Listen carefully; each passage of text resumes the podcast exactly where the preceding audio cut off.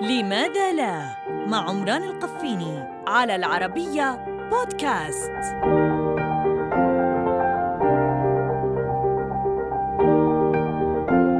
لماذا لا تبقى معنا أسنان الحليب؟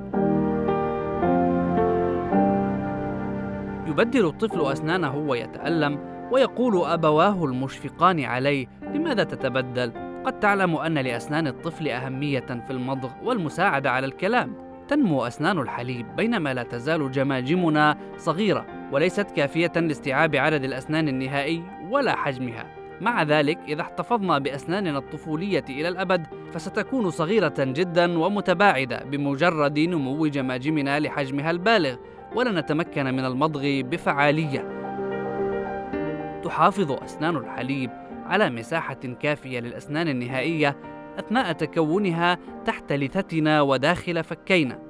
وإذا أزيلت أسنان الحليب مبكرا لأي سبب فإن بعض المساحة اللازمة لأسناننا النهائية قد يفقد ويمكن أن يؤدي هذا إلى ازدحام شديد في الفم لاحقا.